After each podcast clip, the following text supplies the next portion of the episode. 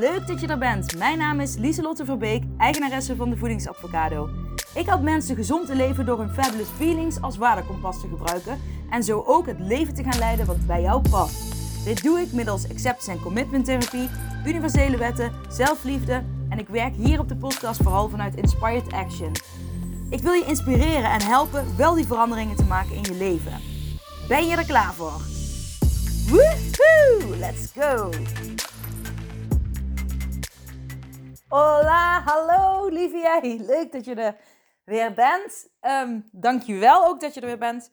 Ik uh, nou ja, ben je dankbaar. Ik uh, val meteen met de deur in huis. Uh, met betrekking tot de podcast um, Dutch Award. Ik ben niet genomineerd. Er zijn er ook echt maar vijf die in de categorie lifestyle zijn. Vier of vijf zijn genomineerd. Nou, je kunt het in ieder geval terugvinden op internet. En nou ja, daar sta ik niet bij. Wel Celine Charlotte, dus daar uh, zag ik erbij staan. Dus daar heb ik natuurlijk weer op gestemd. Uh, want ik vind haar ook heel erg leuk. En um, uh, nou ja, daar stonden wel hele grote namen bij.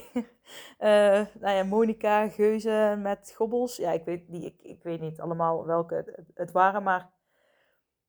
ik vond het helemaal niet erg dat ik er nog niet tussen stond. het zou leuk zijn als het ooit in de toekomst zou gebeuren, maar dat is niet mijn hoofddoel.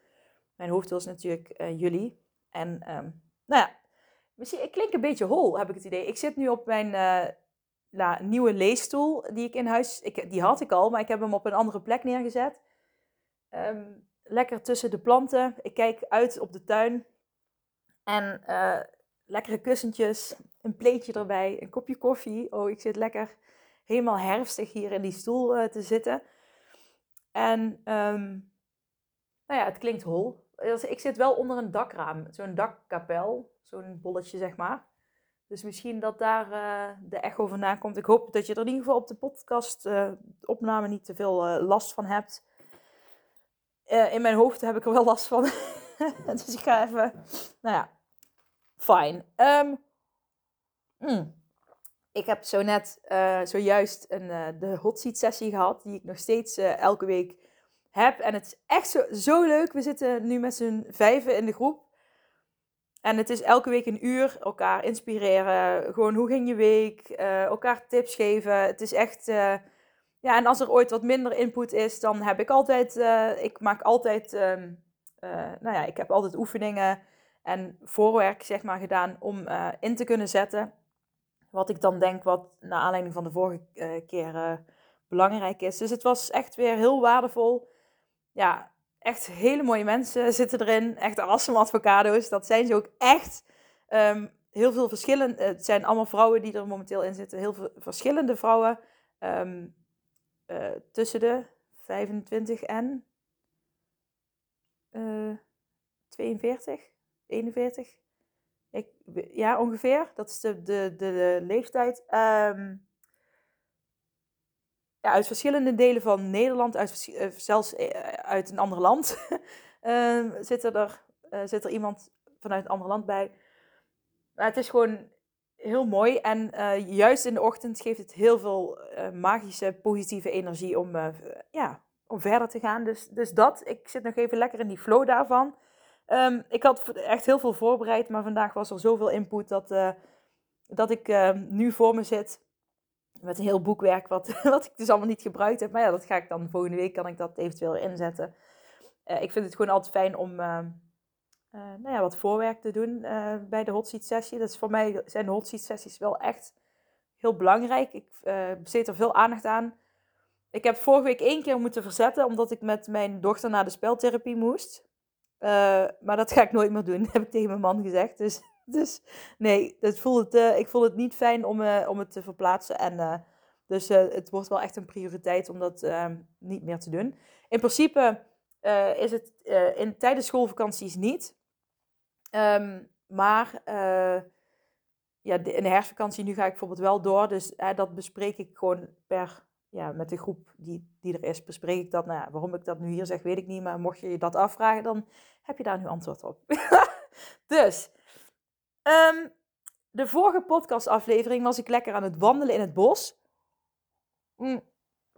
En toen vertelde ik jullie dat ik een, um, act-therapieopleiding wilde gaan doen. En ook bij de beroepsvereniging daar lid wilde worden. Ehm, en eh, ik zei toen dat ik uh, ook dat ik bij de BGN, bij de beroepsvereniging voor gewichtsconsulenten, weg wilde. Ook omdat mensen toch niet voor die vergoeding, dat ze daar niet echt gebruik van maken. Dat komt ook omdat het voor sommige mensen 0 euro is, wat ze vergoed krijgen. En voor sommigen 150. Um, dat, ja, dat is echt weinig in principe. Dus ja, daarvoor doen mensen het ook niet, zeg maar.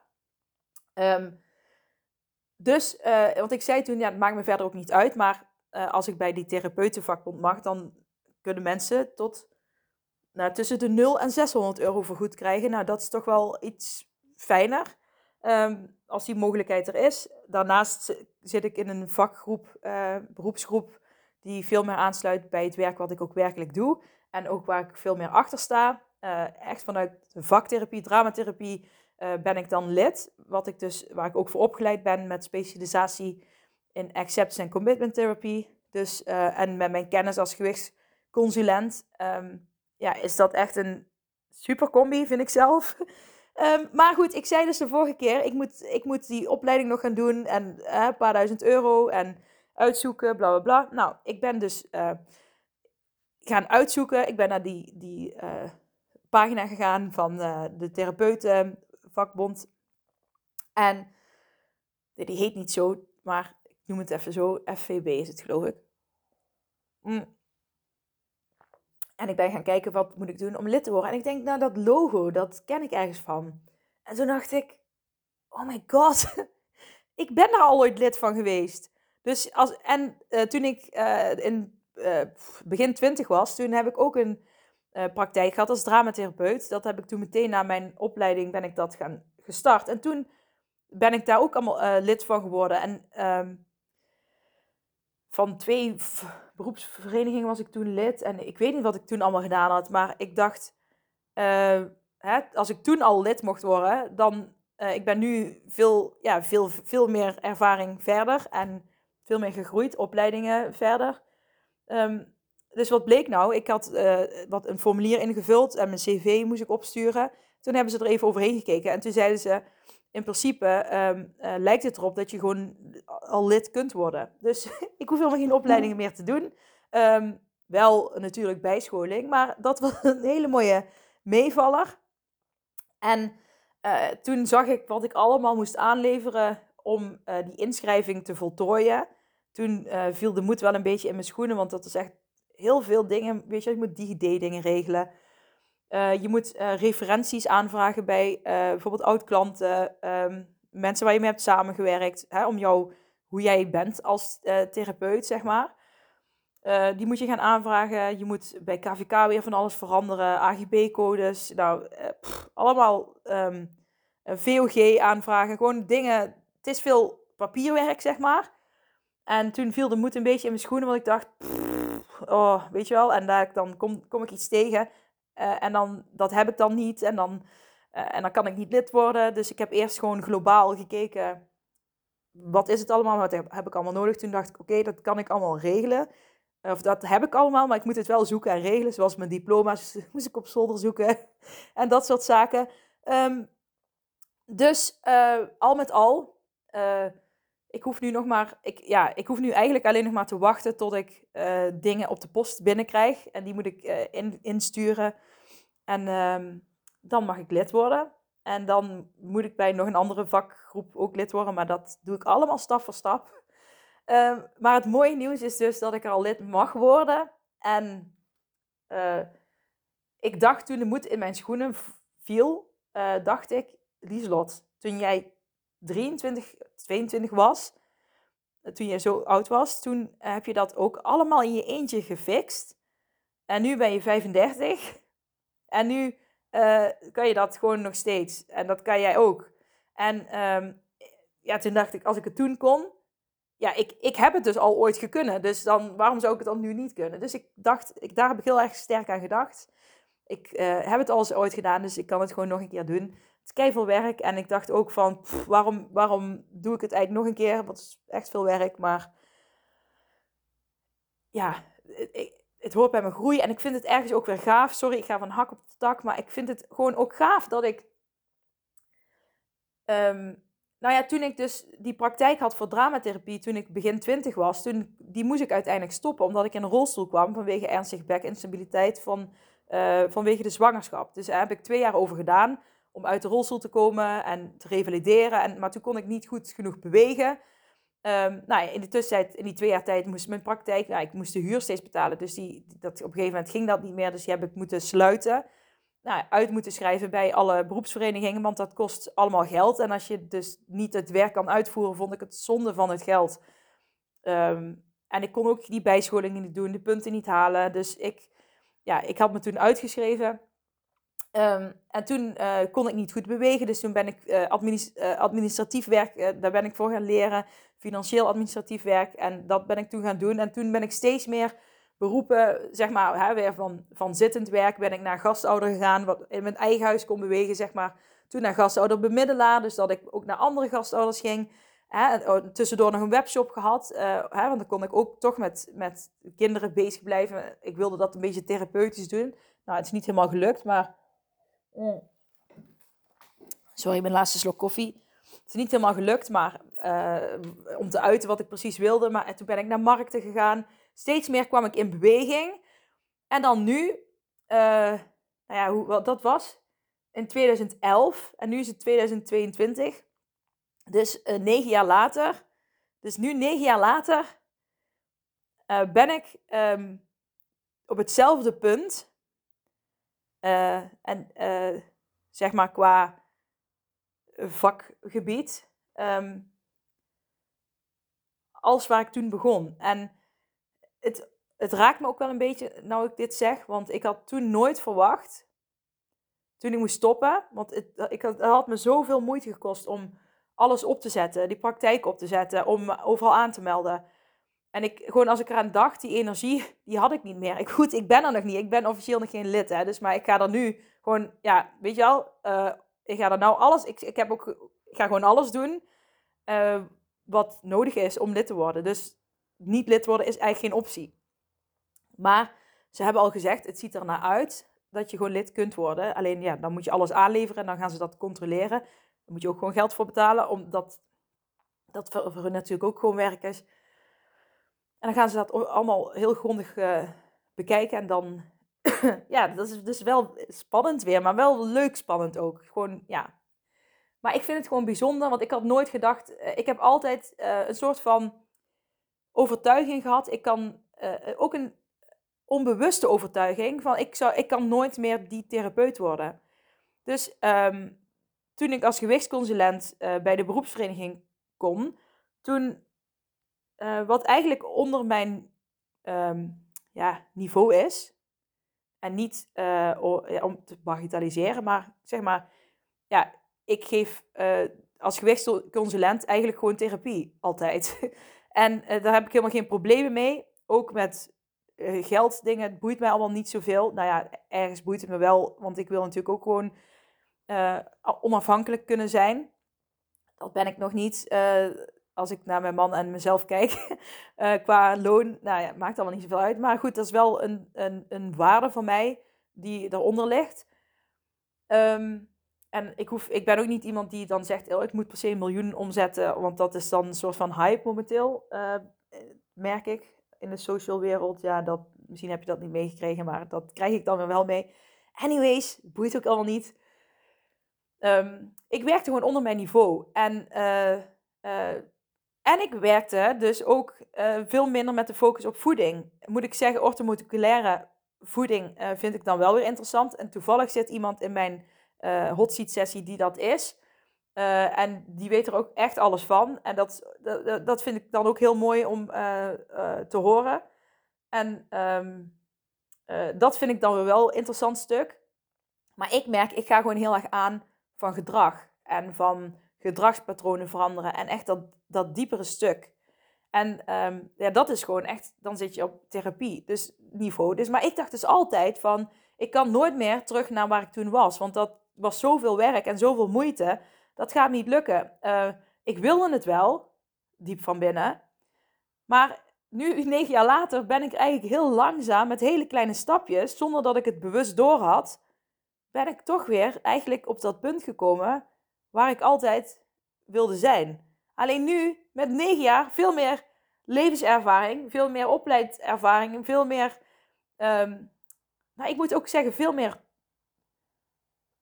passie of focus. Hoe, hoe moet ik weet nog, toen ik begin twintig was, uh, was ik ook veel bezig. Ik wil moeder worden, ik wil kinderen krijgen. Ehm, en die praktijk was heel belangrijk voor mij. Maar nu, uh, in die negen jaar tijd, heb ik zelf heel veel diepe dallen gehad. Toen ik die praktijk op, opzette, toen was er in mijn leventje, eh, ja, ik bedoel, ik, ik heb, nou ja, zeg ik dan nou, ik heb toen ik, toen ik tweeënhalf jaar was, heb ik een ernstig auto-ongeluk gehad. Toen heb ik een, uh, in coma gelegen. Nou ja, ik weet niet, vijf dagen of zo. Um, ik had mijn kaken gebroken. Ik heb ook echt een, een, een deuk in mijn voorhoofd. Die, niet zo van, je ziet een deuk, maar als je over mijn voorhoofd voelt, en dan ja, net een stukje voorhoofd en op mijn, in mijn haar Ehm, dan voel je ook een soort van scheur in mijn schedel. ja, het is wel gewoon dichtgegroeid. Maar ik heb daar ook uh, migraine door uh, ontwikkeld, uh, is er toen de tijd gezegd. Maar ja, dat was 1990 of zo. Dus ik weet niet, ehm, ja, daar weet ik verder niks van. Overigens was het heel bijzonder dat toen ik in het ziekenhuis lag, want mijn meisjesnaam is Lieselotte van den Bergmortel. Maar toen ik dus in het ziekenhuis lag, ja, 2,5 jaar ongeveer, um, toen ging mijn moeder uh, mij aanmelden. En ik was nog nooit in dat ziekenhuis geweest. Mijn moeder moest mij toen aanmelden van, ja, mijn dochter ligt hier. Ja, uh, wat is haar naam? Die Lotte van den Bergmortel. Toen zei die vrouw, oh, die is al aangemeld. En dat was een vrouw, die was op ook 24 januari um, 19, uh, of ik ben geboren 24 januari 87. En deze vrouw was ook geboren 24 januari 87, maar dan 1887. Dus die was heel oud, die vrouw, en die lag daar uh, in het ziekenhuis. Volgens mij was ze toen ook gestorven. Of die was al gestorven. Ik weet niet meer exact het verhaal, maar het was wel heel grappig dat er gewoon iemand was met mijn naam een eeuw eerder uh, geboren uh, in dat ziekenhuis. Um, nou ja, ik was er niet bij die situatie, dus dit is mij verteld, want ja, ik lag in coma. Ik heb helaas geen bijna doodervaring gehad, of net als Anita Morjani, dat ik boven mijn bed zweefde en allerlei dingen zag. Nee, um, ik was gewoon ongeluk, niks. En ik werd wakker in het ziekenhuis. Um, ja, daartussen ja, ben ik gewoon een soort van dagen kwijt. Um, dat, wat ik heel raar vond overigens, dat ik, dat ik gewoon dagen... Dat, dat je geleefd hebt, maar dat je die dagen gewoon niet bewust geleefd hebt. Dat vond ik heel raar, dat weet ik nog. En toen moest ik ook opnieuw leren lopen. En anyways, dat was het ergste wat ik in mijn leven mee had gemaakt. En daarna, nou ja, ik bedoel, het klinkt nu neerbuigend, maar ik bedoel, het was heel heftig op dat moment. Maar ik was ook nog heel jong en uh, ik ben er goed mee omgegaan. Ik ben me altijd bang geweest in auto's, maar dat heb ik later, uh, uh, toen ik gastouder bemiddelaar was, heb ik dat eigenlijk soort van aangepakt. Maar, want toen ben ik overal, moet ik door heel ja, Nederland zeg maar rijden. Um, nou, ik ga echt van de hak op de tak. Hopelijk volg je me nog. Maar goed, dat uh, was het ergste wat ik mee had gemaakt. Daarna super leuke basisschooltijd gehad. Puberteit, ja oké. Daar zijn ook wel wat pittige dingen gebeurd. Maar um, ik, kan, ik moet zeggen dat ik ja, op die paar pittige dingen na ging het altijd gewoon goed. Weet je wel, ik ben goed uit de puberteit terecht ik ben er goed uitgekomen, laat ik het zo zeggen. Het had anders kunnen aflopen, maar ik ben er goed uitgekomen. Ik ben gaan studeren. Nou ja, alles liep eigenlijk op rolletjes. Ik ontmoette mijn man en uh, ik, ik, ik studeerde af uh, met supergoeie cijfers. En mijn man had mij ten huwelijk gevraagd. Um, dus, uh, en toen startte ik mijn praktijk. Alles liep gewoon op rolletjes. En, um, maar ik merk nu dat als ik nu um, met een, uh, met een avocado, een klant, een cliënt, of hoe ik het nu ook moet gaan noemen, mag gaan noemen. Ik noem het awesome avocado in. Als ik nu met iemand in gesprek ga, dan ben ik echt met diegene in gesprek. Ik heb echt het, uh, gewoon alles in mij wil die persoon helpen. En ik ben, ik ben op dat moment ben ik daar. Ik ben in het moment. En ik denk na de sessie ben ik er nog mee bezig. Ik ben voor de sessie ben ik ook mee bezig. Ik ben altijd bezig om um, ja, een soort van te zorgen. Ja, ik, ik, uh, dat, ik geef er echt oprecht om. Uh, en toen ik begin twintig was, toen ehm, was ik wel professioneel en ik deed wel gewoon, ik voerde mijn werkzaamheden uit. Maar dat, uh, ik had toen nog nooit ervaren, en dit is echt mijn ervaring, hè, dus bij iedereen kan het anders zijn, maar ik, die ervaringen die ik afgelopen negen jaar heb meegemaakt, hè, het, het rouwen om mijn vader, de angststoornis, de eetstoornis, uh, mijn ADD, gewoon het krijgen van kinderen, kinderen, omgaan met mijn kinderen, omgaan met andere mensen. Gewoon alles, al die ervaring van de afgelopen negen jaar, dat is Ehm, zo waardevol geweest. Alle dieptepunten, hoogtepunten, die zijn zo waardevol geweest om, ehm, om die oprechte, uh, ja, dat oprechte, dat ik mensen echt gewoon echt wil helpen. Om dat nu zo te kunnen ervaren. En eh, ja, het klinkt misschien heel vaag, maar toen ik begin 20 was, wilde ik mensen ook echt helpen. Maar dan was het wel sessie, geven, hm, uh, weet je al, klaar, erover schrijven, naar huis, mijn eigen leven leven. En dan weer sessie, weet je al, zo. En nu is um, privé en werk is voor mij eigenlijk bijna één geworden. Zo, sommige mensen zouden zeggen, ja, is dat wel goed? Maar nou ja, ik denk van wel, want mijn, ik denk dat het heel goed is als je werk en je privé in dezelfde lijn liggen. En dat is het ook helemaal, want vroeger, vroeger lag die lijn gewoon niet hetzelfde. En uh, nu ligt die lijn hetzelfde. Uh, en ik weet hoe het is om bepaalde negatieve gevoelens te hebben. En ik, ik weet, uh, vroeger dacht ik ook, ja, als je angst bent, angst, ja, weet je wel, gewoon niet aan denken, niet aanstellen.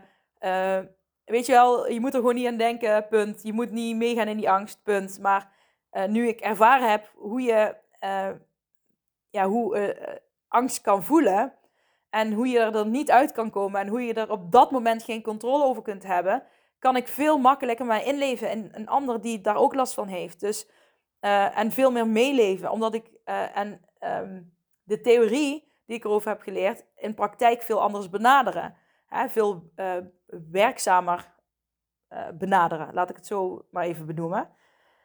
Oh, het is 11.11. Leuk, leuk. oh, dan is hij even stilgevallen. Nou, ik hoop dat alles er nog op staat. Um, dat. Dus dat, dat is denk ik het verschil in lijn, maar ook gewoon het... Um, het is mijn leven nu geworden. De voedingsavocado is echt mijn leven. En toen heette mijn bedrijf Pretoogjes, wat ik overigens ook een hele leuke naam vind. Maar het was toen meer gericht op um, kinderen en jongvolwassenen. Um, en Pretoogjes waren het resultaat uh, van... Uh, ja, wat ik mensen wilde geven. Dus het resultaat van wat ik wilde geven waren pretoogjes. Dat, die naam had ik samen met mijn vader bedacht. Dus die naam pretoogjes heb ik ook wel heel lang gehouden. Ik heb twee bedrijven gehad onder pretoogjes. Uh, welke? Oh ja, mijn, toen als gastouder heette ik ook pretoogjes. En um, ja, toen als therapeut. Maar, maar ja, ik, wilde, ik had er nu over nagedacht om nu ook pretoogjes te houden nog. Maar ja, ik, omdat ik nu voor bij hè, volwassenen, ehm, vooral met volwassenen, ik werk alleen met volwassenen in principe, um, uh, 18 plus, uh, dus is iedereen dan al echt volwassen? I don't know, maar uh, vond ik prettogisch iets te kinderlijk klinken, al gun ik nog steeds iedereen prettogisch als resultaat. Um, maar ik vond het ook heel mooi omdat mijn vader en ik het samen hebben bedacht. En ik kan me nog precies dat moment voor me halen dat we aan een, rond uh, tafeltje, we hadden vroeger zo'n rond tafeltje van natuursteen. En daar stonden vier uh, stoelen omheen. Het was van een of andere meubel, ja, van een interieurdesigner. Die dat helemaal... Mijn ouders zijn echt uh, allebei kunstzinnige mensen. Of ja, mijn vader is dan overleden, maar het, het was en is, weet ik veel, het zijn kunstzinnige mensen. Mijn moeder is heel erg, die heeft de modeacademie gedaan, is heel creatief met mode. Ik denk, mijn vader was ook kunstenaar en art director.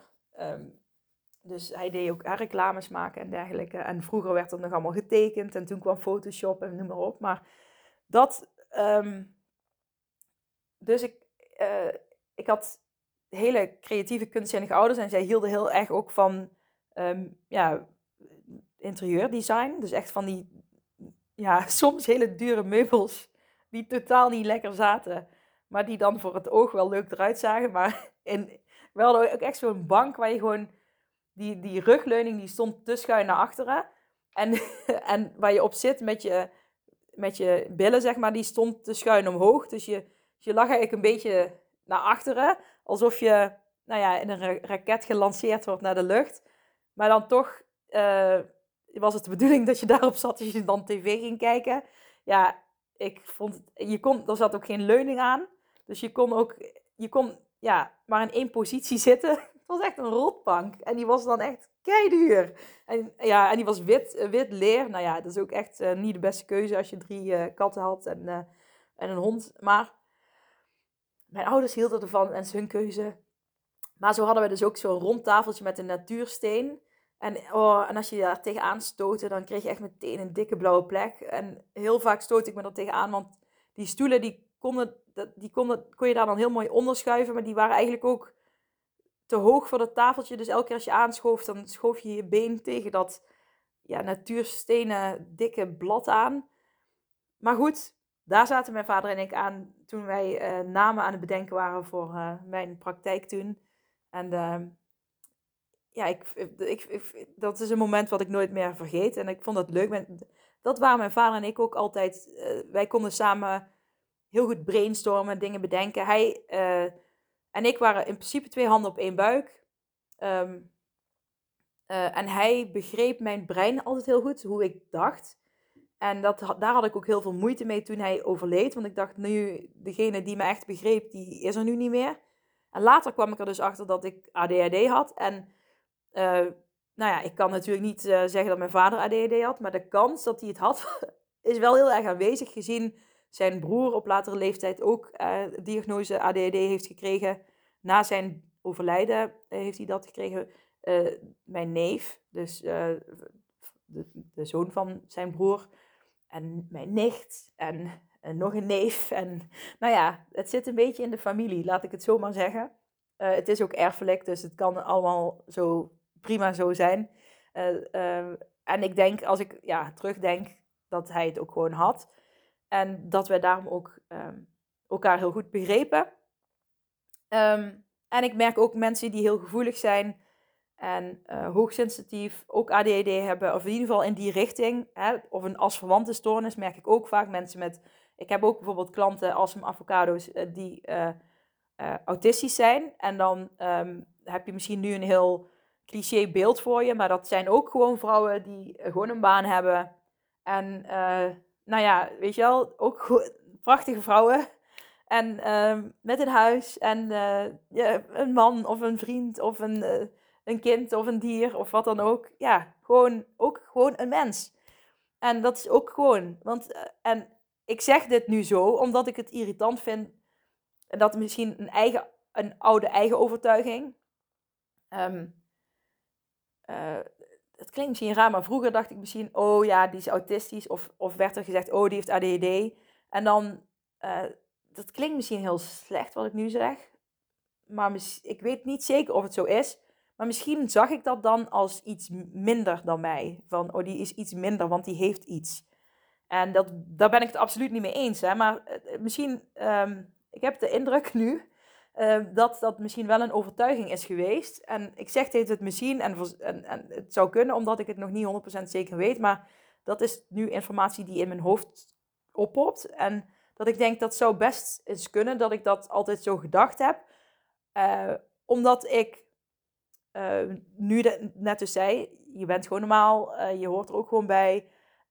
Omdat ik juist niet wil dat mensen met autisme of ADHD of wat dan ook als een mindere worden gezien. Want je, je bent allemaal gelijk en je telt allemaal evenveel mee wat je ook mankeert. Of waar je ook last van hebt, waar je tegenaan loopt, wat dan ook. En als je dan vraagt wie is er dan wel normaal, ik kan nooit iemand opnoemen. Wie is er dan wel normaal? Ik denk dat iedereen abnormaal is juist. Iedereen is niet normaal. En uh, ik, dat vind ik eigenlijk de mooiste verklaring. En uh, zo, er is niemand die normaal is. En daarom zijn we allemaal gelijk. Ja, dat.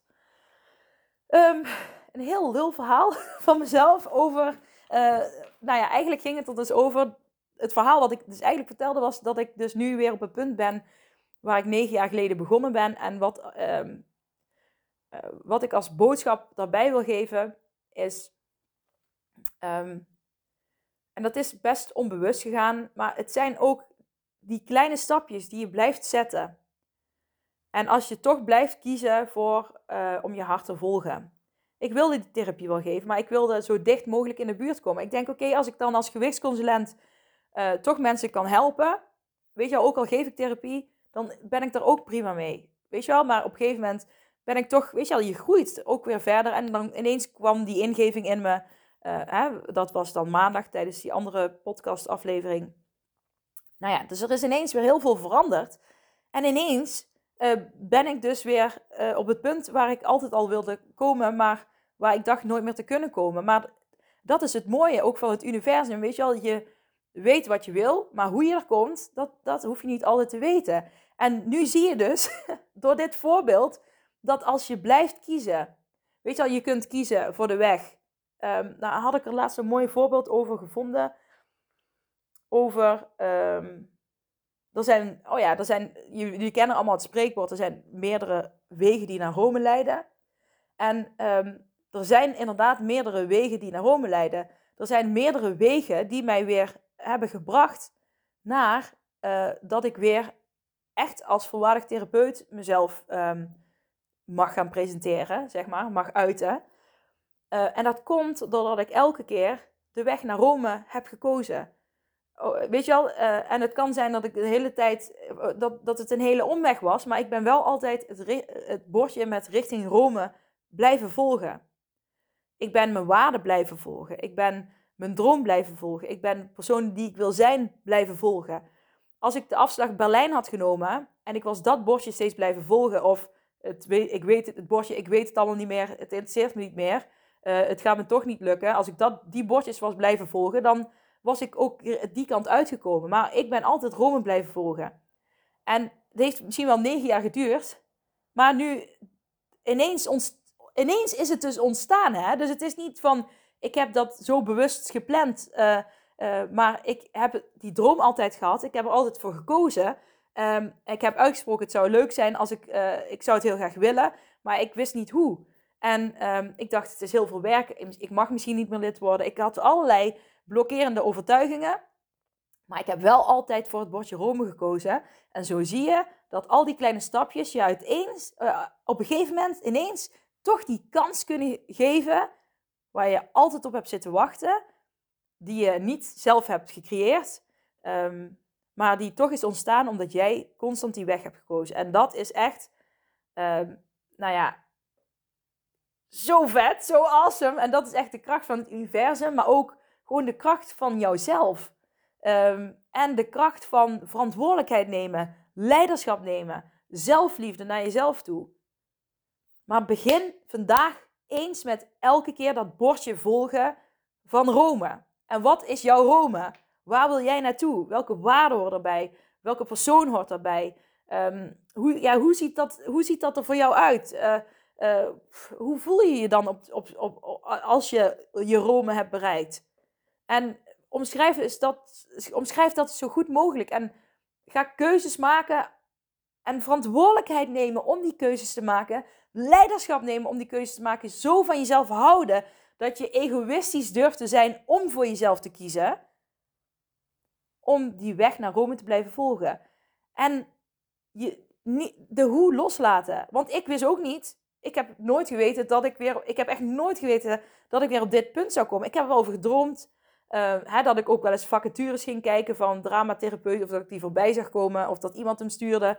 En dat ik dacht, ja, ja, dat, dat, die, die kans is voorbij. Die heb ik laten gaan hè, doordat ik in de rolstoel kwam. Dat is niet meer voor mij. Maar ja, wel dat verlangen hebben. En dat verlangen is al genoeg voor het universum. Maar ook genoeg voor jezelf om dat bordje Rome te kunnen blijven volgen. En al die kleine stapjes, die kunnen dus ineens samenvallen en een kans creëren.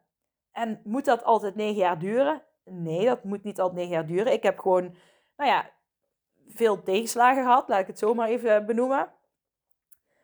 Maar het is gewoon allemaal mogelijk. En dat is gewoon, dat is wat ik je wil meegeven. En um, ja, dat is wat ik je wil meegeven. En uh, ik wil nog iets um, uitlichten. Dit heb ik in de podcast van Kim Munnekom gehoord. Dat wil ik dan wel even de credits voor Kim. En Kim heeft het weer ergens van, vandaan, maar ik weet even de, haar bron niet meer, dus daarom noem ik haar even als bron. Ehm, de drie levels van willen. Wellicht heb je hem al gehoord uh, als je ook naar haar luistert. Maar ik wil het hier ook even belichten, omdat het hier ook te maken heeft met die kleine stapjes. Ik wil nog een heel klein zijweggetje doen en dat is... Um, ik hoor anderen wel eens praten over waarom wil je kleine stapjes zetten als je ook hele grote kunt maken. En ja, uh, ik geloof best dat je meteen hele grote stappen kunt zetten. Alleen um, om een grote stap te zetten moet je toch ook altijd... Een, grote stap bestaat uit veel meer kleine stapjes.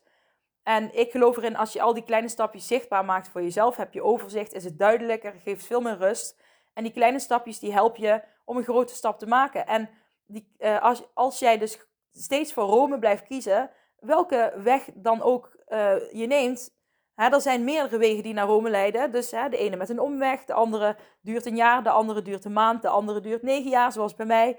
Maar als je ervoor blijft kiezen, dan um, uh, worden al die stap, kleine stapjes, al die keuzes die je hebt gemaakt, die, gaan, die vallen dan ineens samen. En dan komt er dus een kans. En die kans, die zie je dan als wow. Uh, ik, ineens ben ik hier. En dan ineens heb je die grote stap gemaakt. Omdat je dus altijd het bordje Rome hebt gevolgd. Uh, snap je hem nog? Maar goed, terug naar de drie levels van willen.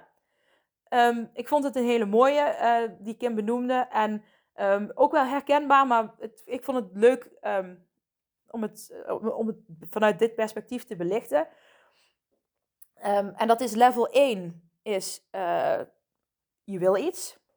Ik wil iets. Ik wil afvallen. Ik wil meer balans in mijn leven. Ik wil uh, mezelf bezig zijn met persoonlijke ontwikkeling. Ik wil groeien binnen mijn bedrijf. Ik wil gewoon wel gezond kunnen leven. Ik wil voor mezelf kunnen kiezen. Ik wil wil van alles. Iedereen wil van alles. Ik wil meer geld. ik wil uh, meer vrijheid. Ik wil dit. Ik wil dat. Nou, level 1 is je wil iets. Wat wil je? Hè? Wat is jouw Rome? Omschrijf dat eens. Wat wil je? Maar level 2 is dat je is besluiten. Dus je wil, je wil het niet alleen, maar je gaat ook besluiten. Dit ga ik doen. Ik wil dit. Ik wil naar Rome. En ik ga nu besluiten dat ik die bordjes ga volgen. Weet je al? Dat is een, een dieper level. Dus je gaat van willen naar besluiten. Ik besluit om dit te doen. Ik besluit. Ik ga dit doen. Ik wil dit. Ik ga besluiten om dit te doen. En nog een stap dieper, level 3, dan kom je op commitment. Dus ik ga die commitment aan met mezelf om constant te kiezen voor het bordje Rome. En weet je al, hoe, hoe, ja, welke valkuilen ik ook tegenkom, uh, hoe ik er soms ook uh, ja, van het pad word afgehaald, welke obstakels ik tegenkom. Hè, misschien loop je door de modder, uh, moet je omlopen omdat het bos in brand staat. Ik noem maar even dingen die in het echte leven kunnen gebeuren. Jij kiest er elke, weer, elke keer weer voor om dat bordje Rome te volgen. En dat is de commitment die je met jezelf aangaat. En ik wil je nu uitdagen. Ik weet, we hebben al eens een keer een 100 dagen uitdaging gehad. Um, maar dat wil ik met je opnieuw doen. Dit kan gewoon ook naast, voor de mensen die mijn boek hebben, mijn, uh, de Awesome Advocado, mijn zelfhulpboek, ook om 100 dagen aan, je, uh, aan jezelf te werken. Dat kan, dit kan je ernaast doen. Want je gaat gewoon uh, opschrijven, wat wil ik?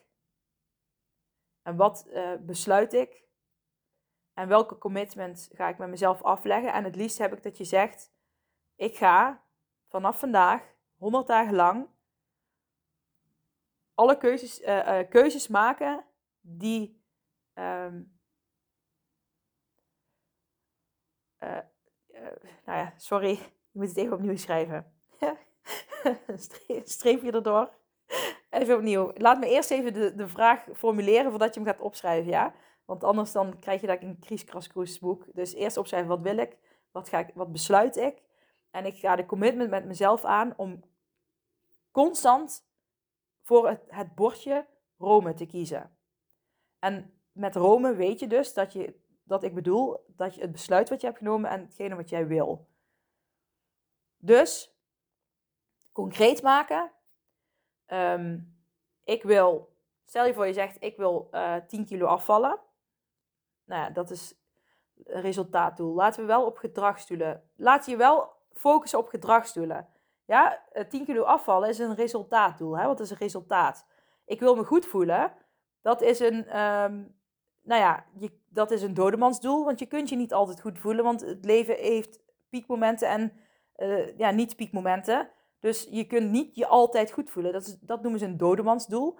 Maar uh, je kunt wel uh, focussen op gedrag. Dus wat wil je in je gedrag? Uh, stel je voor, ik wil. Ehm, stel je voor, ik zeg, ik wil geen chips meer eten. Oh, de bel gaat. Nou, ik kom, ik kom, ik kom, ik kom terug. Momentje, even de deur open doen.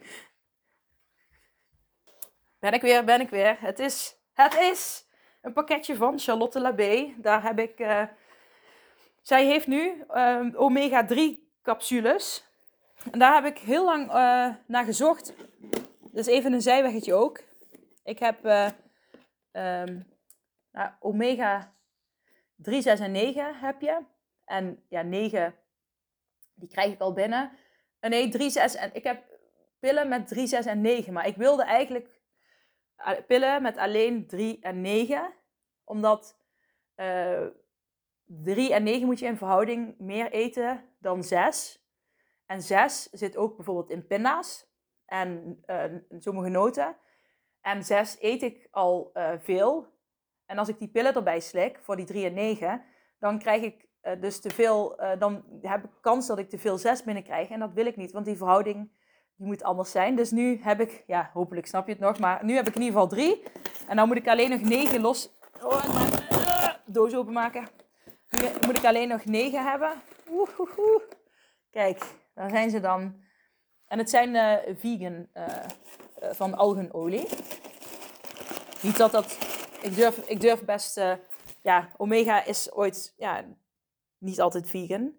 En dat moet ik eerlijk zeggen. Ik, ik ben vegetarisch, maar ik pak wel ooit uh, die pillen ook, omdat die, ja, er dan gewoon zijn. nou, echt een super slechte reden. Maar goed, terug naar het verhaal. Uh, ik wil een gedragsdoel. Ik wil bijvoorbeeld geen chips meer eten. Uh, ik besluit dat ik um, ervoor ga om. misschien kun je dan zeggen waarom wil je. Hè? Ga daar dan ook in dieper op in. Waarom besluit ik dit? Waarom besluit ik dit? Ik wil dat je gewoon minstens drie keer waarom uh, beantwoord. En dan schrijf je, ik ga die commitment met mezelf aan om elke keer als ik in mijn hoofd op het keuzepunt kom, oké, ehm, ik ga rechtsaf naar um, vermijden, de, het vermijden, het, het, uh, het vasthaken, noemen we dat dan vanuit Acceptance Commitment Therapy. Het keuzepunt, daar kom je op terecht. Ga ik rechtsaf en ga ik die chips eten omdat ik er nu gedachten over heb dat ik het wil? Of ga ik linksaf uh, het, uh, en, richting het bordje Rome? En ehm, ja, dat vind ik moeilijk. Ja, ik moet dan even, het is een moeilijkere weg dan rechtsaf, hè, naar de vermijding, het vermijden, het vasthaken aan, uh, aan het gedachte die ik heb dat ik per se iets moet eten, dat ik per se chips moet eten. Of ga ik linksaf richting Rome en ga ik me loshaken, maar doordat ik me loshaak, voel ik even ongemak. Hè, loshaken van die gedachte, van uh, die gedachte dat je die chips wil eten. Of ga ik rechtsaf en um, richting Rome is, het, is de weg even moeilijker. Moet ik wat uh, energie leveren, omdat de, hè, de weg is in het begin wat bobbelig en, en modderig en het kost me wat moeite. Maar uiteindelijk um, heb ik wel die afslag Rome genomen en ik vertrouw erop uh, dat als ik deze commitment aanga met mezelf, dat het mij steeds dichterbij uh, gaat brengen uh, van wat ik werkelijk verlang, van wat ik wil. En het enige wat jij hoeft te doen, het enige wat jij hoeft te doen, is je focussen en je verantwoordelijkheid nemen en de leiding nemen en het stukje zelfliefde. Alles mag jij proppen in dat ene punt en dat noemen ze het keuzemoment. En daar heb je ook echt serieus technieken voor om jou daarbij te helpen. Nou, ik heb heel veel van die technieken die zitten ook in mijn cursus Fabulous Feelings. Um, online cursus die je ook zelfstandig kunt doen overigens. Dat heb ik eigenlijk nog niet zo vaak benoemd. Maar die 195 euro is die nou geloof ik. Dus dat is echt uh, peanuts. Um, die heb je dan gewoon uh, levenslang. Uh, nee, een jaar in principe. Maar um, ja, nou ja, een jaar heb je hem dan. En dan, maar goed, dat, dat kun je even op mijn website kijken. Ik weet niet alle ins en outs die ik erover heb opgeschreven, heb ik nu niet paraat. Maar um, het keuzepunt is echt in ACT ook zo'n belangrijk punt. Ga je vasthaken aan gedachten of ga je loshaken? En loshaken heb je weer technieken voor. En uh, loshaken helpt jou om voor het romenbordje te kiezen. Maar ook zonder die technieken daag ik jouzelf dus al uit om 100 dagen voor Rome te kiezen. Je gaat 100 dagen voor Rome kiezen. En dus uh, ja, um, Lieselotte, hoe is dat dan? Want je maakt misschien wel 100.000 keuzes op een dag. Uh, I know, je maakt misschien wel 100.000 keuzes op een dag. En je bent je niet van al die keuzes bewust.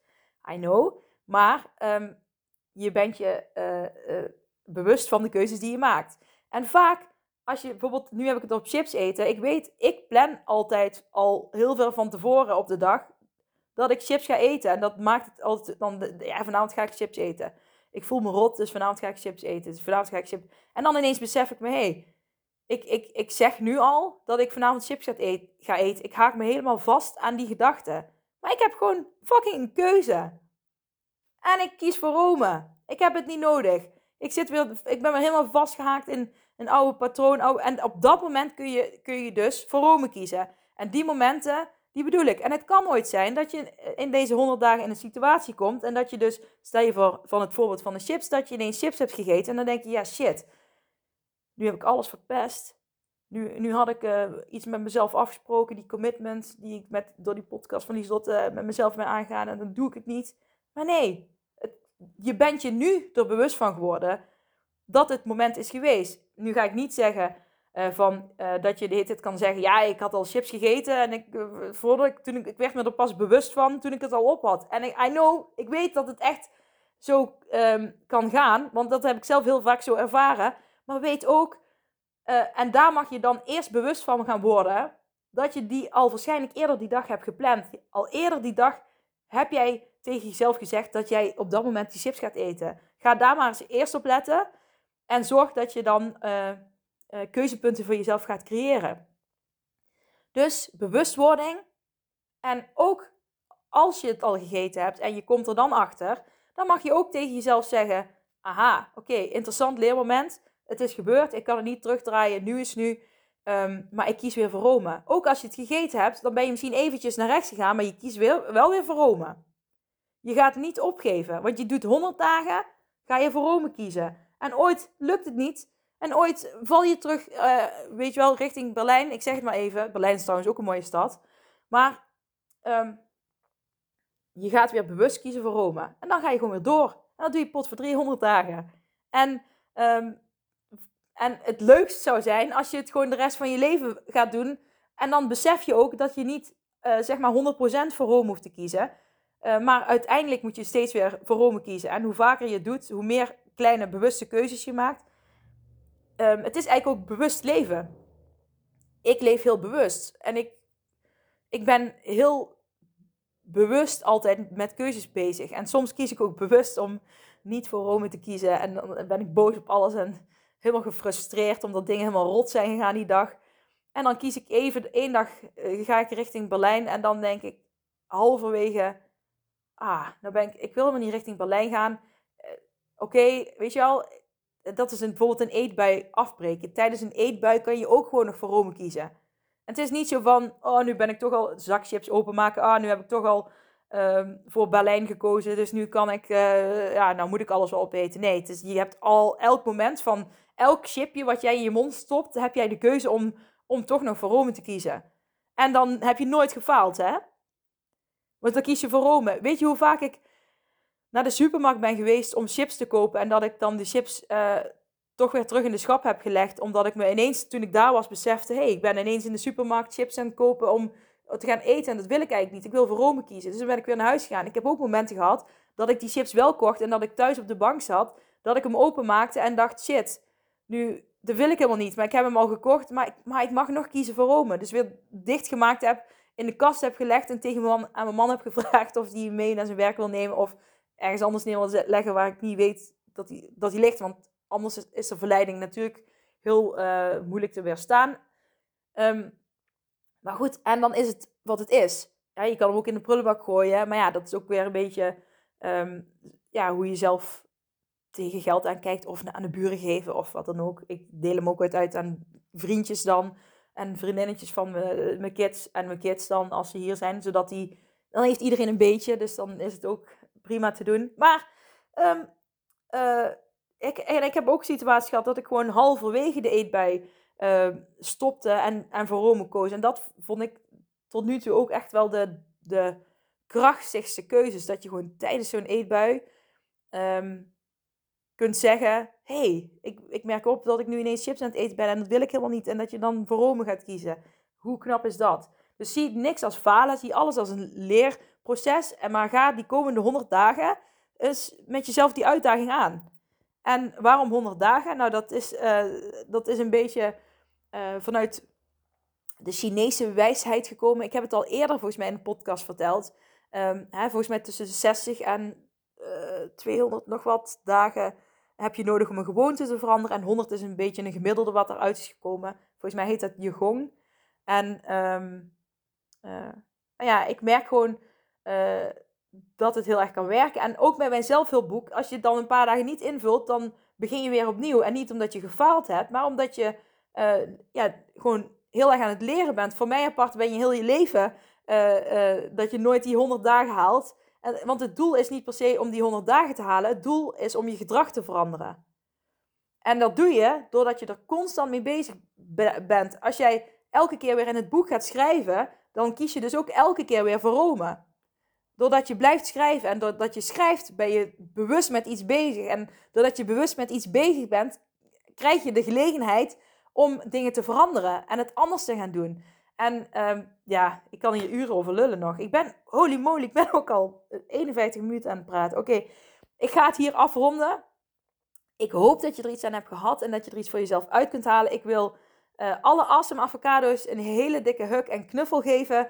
Uh, hè, voor jullie vertrouwen in mij en het willen, uh, willen zijn van mijn klant. Dat ik mee mag kijken in jullie leven. Dat ik um, daar deel van mag uitmaken. En ja, gewoon voor dat. Ik wil ook alle podcastluisteraars bedanken voor het luisteren naar mijn podcast en voor de mooie berichten die ik zo nu en dan mag ontvangen. Um, ja, dat het je echt iets heeft gebracht. Dus dank je wel daarvoor. Ja, ik um, ga zo de kinderen weer uit school halen. Welke dag is het eigenlijk? Oh, vrijdag. Ja, half één. Oké. Ik was even, even kwijt. Nou, ik ga stoppen en uh, ik ga deze snel online zetten voordat de kinderen dadelijk gehaald moeten worden. Zodat jullie vandaag nog er lekker van kunnen genieten. Een hele dikke kus van mij en uh, tot maandag. Doeg! Hey, hallo lieve jij. Bedankt voor het luisteren naar mijn podcastaflevering. Vind je hem nou heel waardevol? Deel hem dan vooral op social media. En tag me erin. Op Instagram is dat Lieselot-Verbeek. En vergeet vooral niet 5 sterren te geven wanneer je beluistert via Spotify. Yes, dankjewel. Dag lieve jij. Tot de volgende. Doei!